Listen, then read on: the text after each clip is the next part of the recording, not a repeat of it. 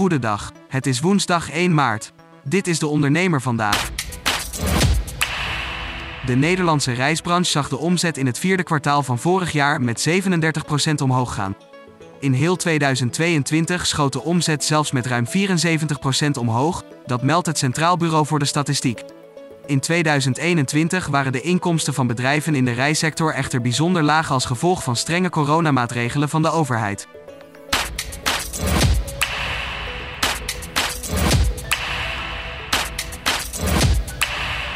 De verkoop van elektrische fietsen in Nederland is vorig jaar gestegen en het aandeel van e-bikes in de totale fietsenverkoop wordt steeds groter. Dat melden brancheorganisaties BOVAG en RAI-vereniging. De verkoop van e-bikes steeg vorig jaar met 2% tot 486.000. Bijna 60% van de fietsverkopen is inmiddels elektrisch. Jan Meerman kijkt naar de aanpak van succesvolle ondernemers in de winkelstraat en analyseert de lessen eruit in de blog van de dag. Tot zover de ondernemer vandaag. Wil je meer? Ga naar deondernemer.nl.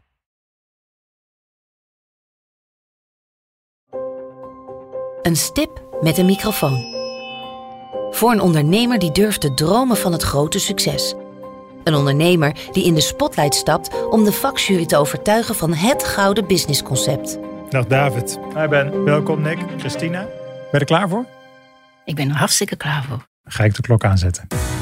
Ik, Fabienne de Vries, neem jou mee in een nieuw seizoen van Droomstart.